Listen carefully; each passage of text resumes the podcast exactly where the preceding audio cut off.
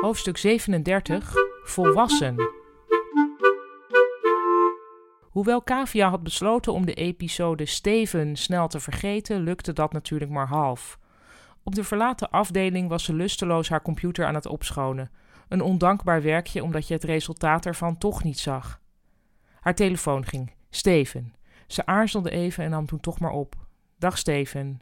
Hey, zei hij met een slachtofferige schuldbewustheid in zijn stem. Ik dacht, ik bel toch nog even.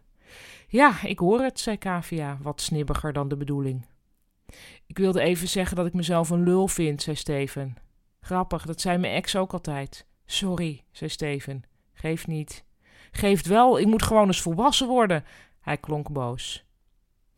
Kavia besloot er geen therapeutische sessie van te maken en zei: Volwassenheid is een ingewikkeld iets. Ja, zei Steven. Nou, zuchtte Kavia, zullen we dit gesprek dan maar weer afronden? Als jij dat wilt, zei Steven. Dat lijkt me het beste, antwoordde Kavia. Dag, Steven. Dag, Kavia, nogmaals sorry. En het beste ermee, zei Kavia en ze legde de hoorn neer.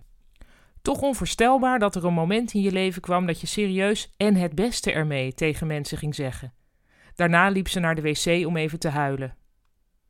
Toen ze terugkwam was Stella gearriveerd.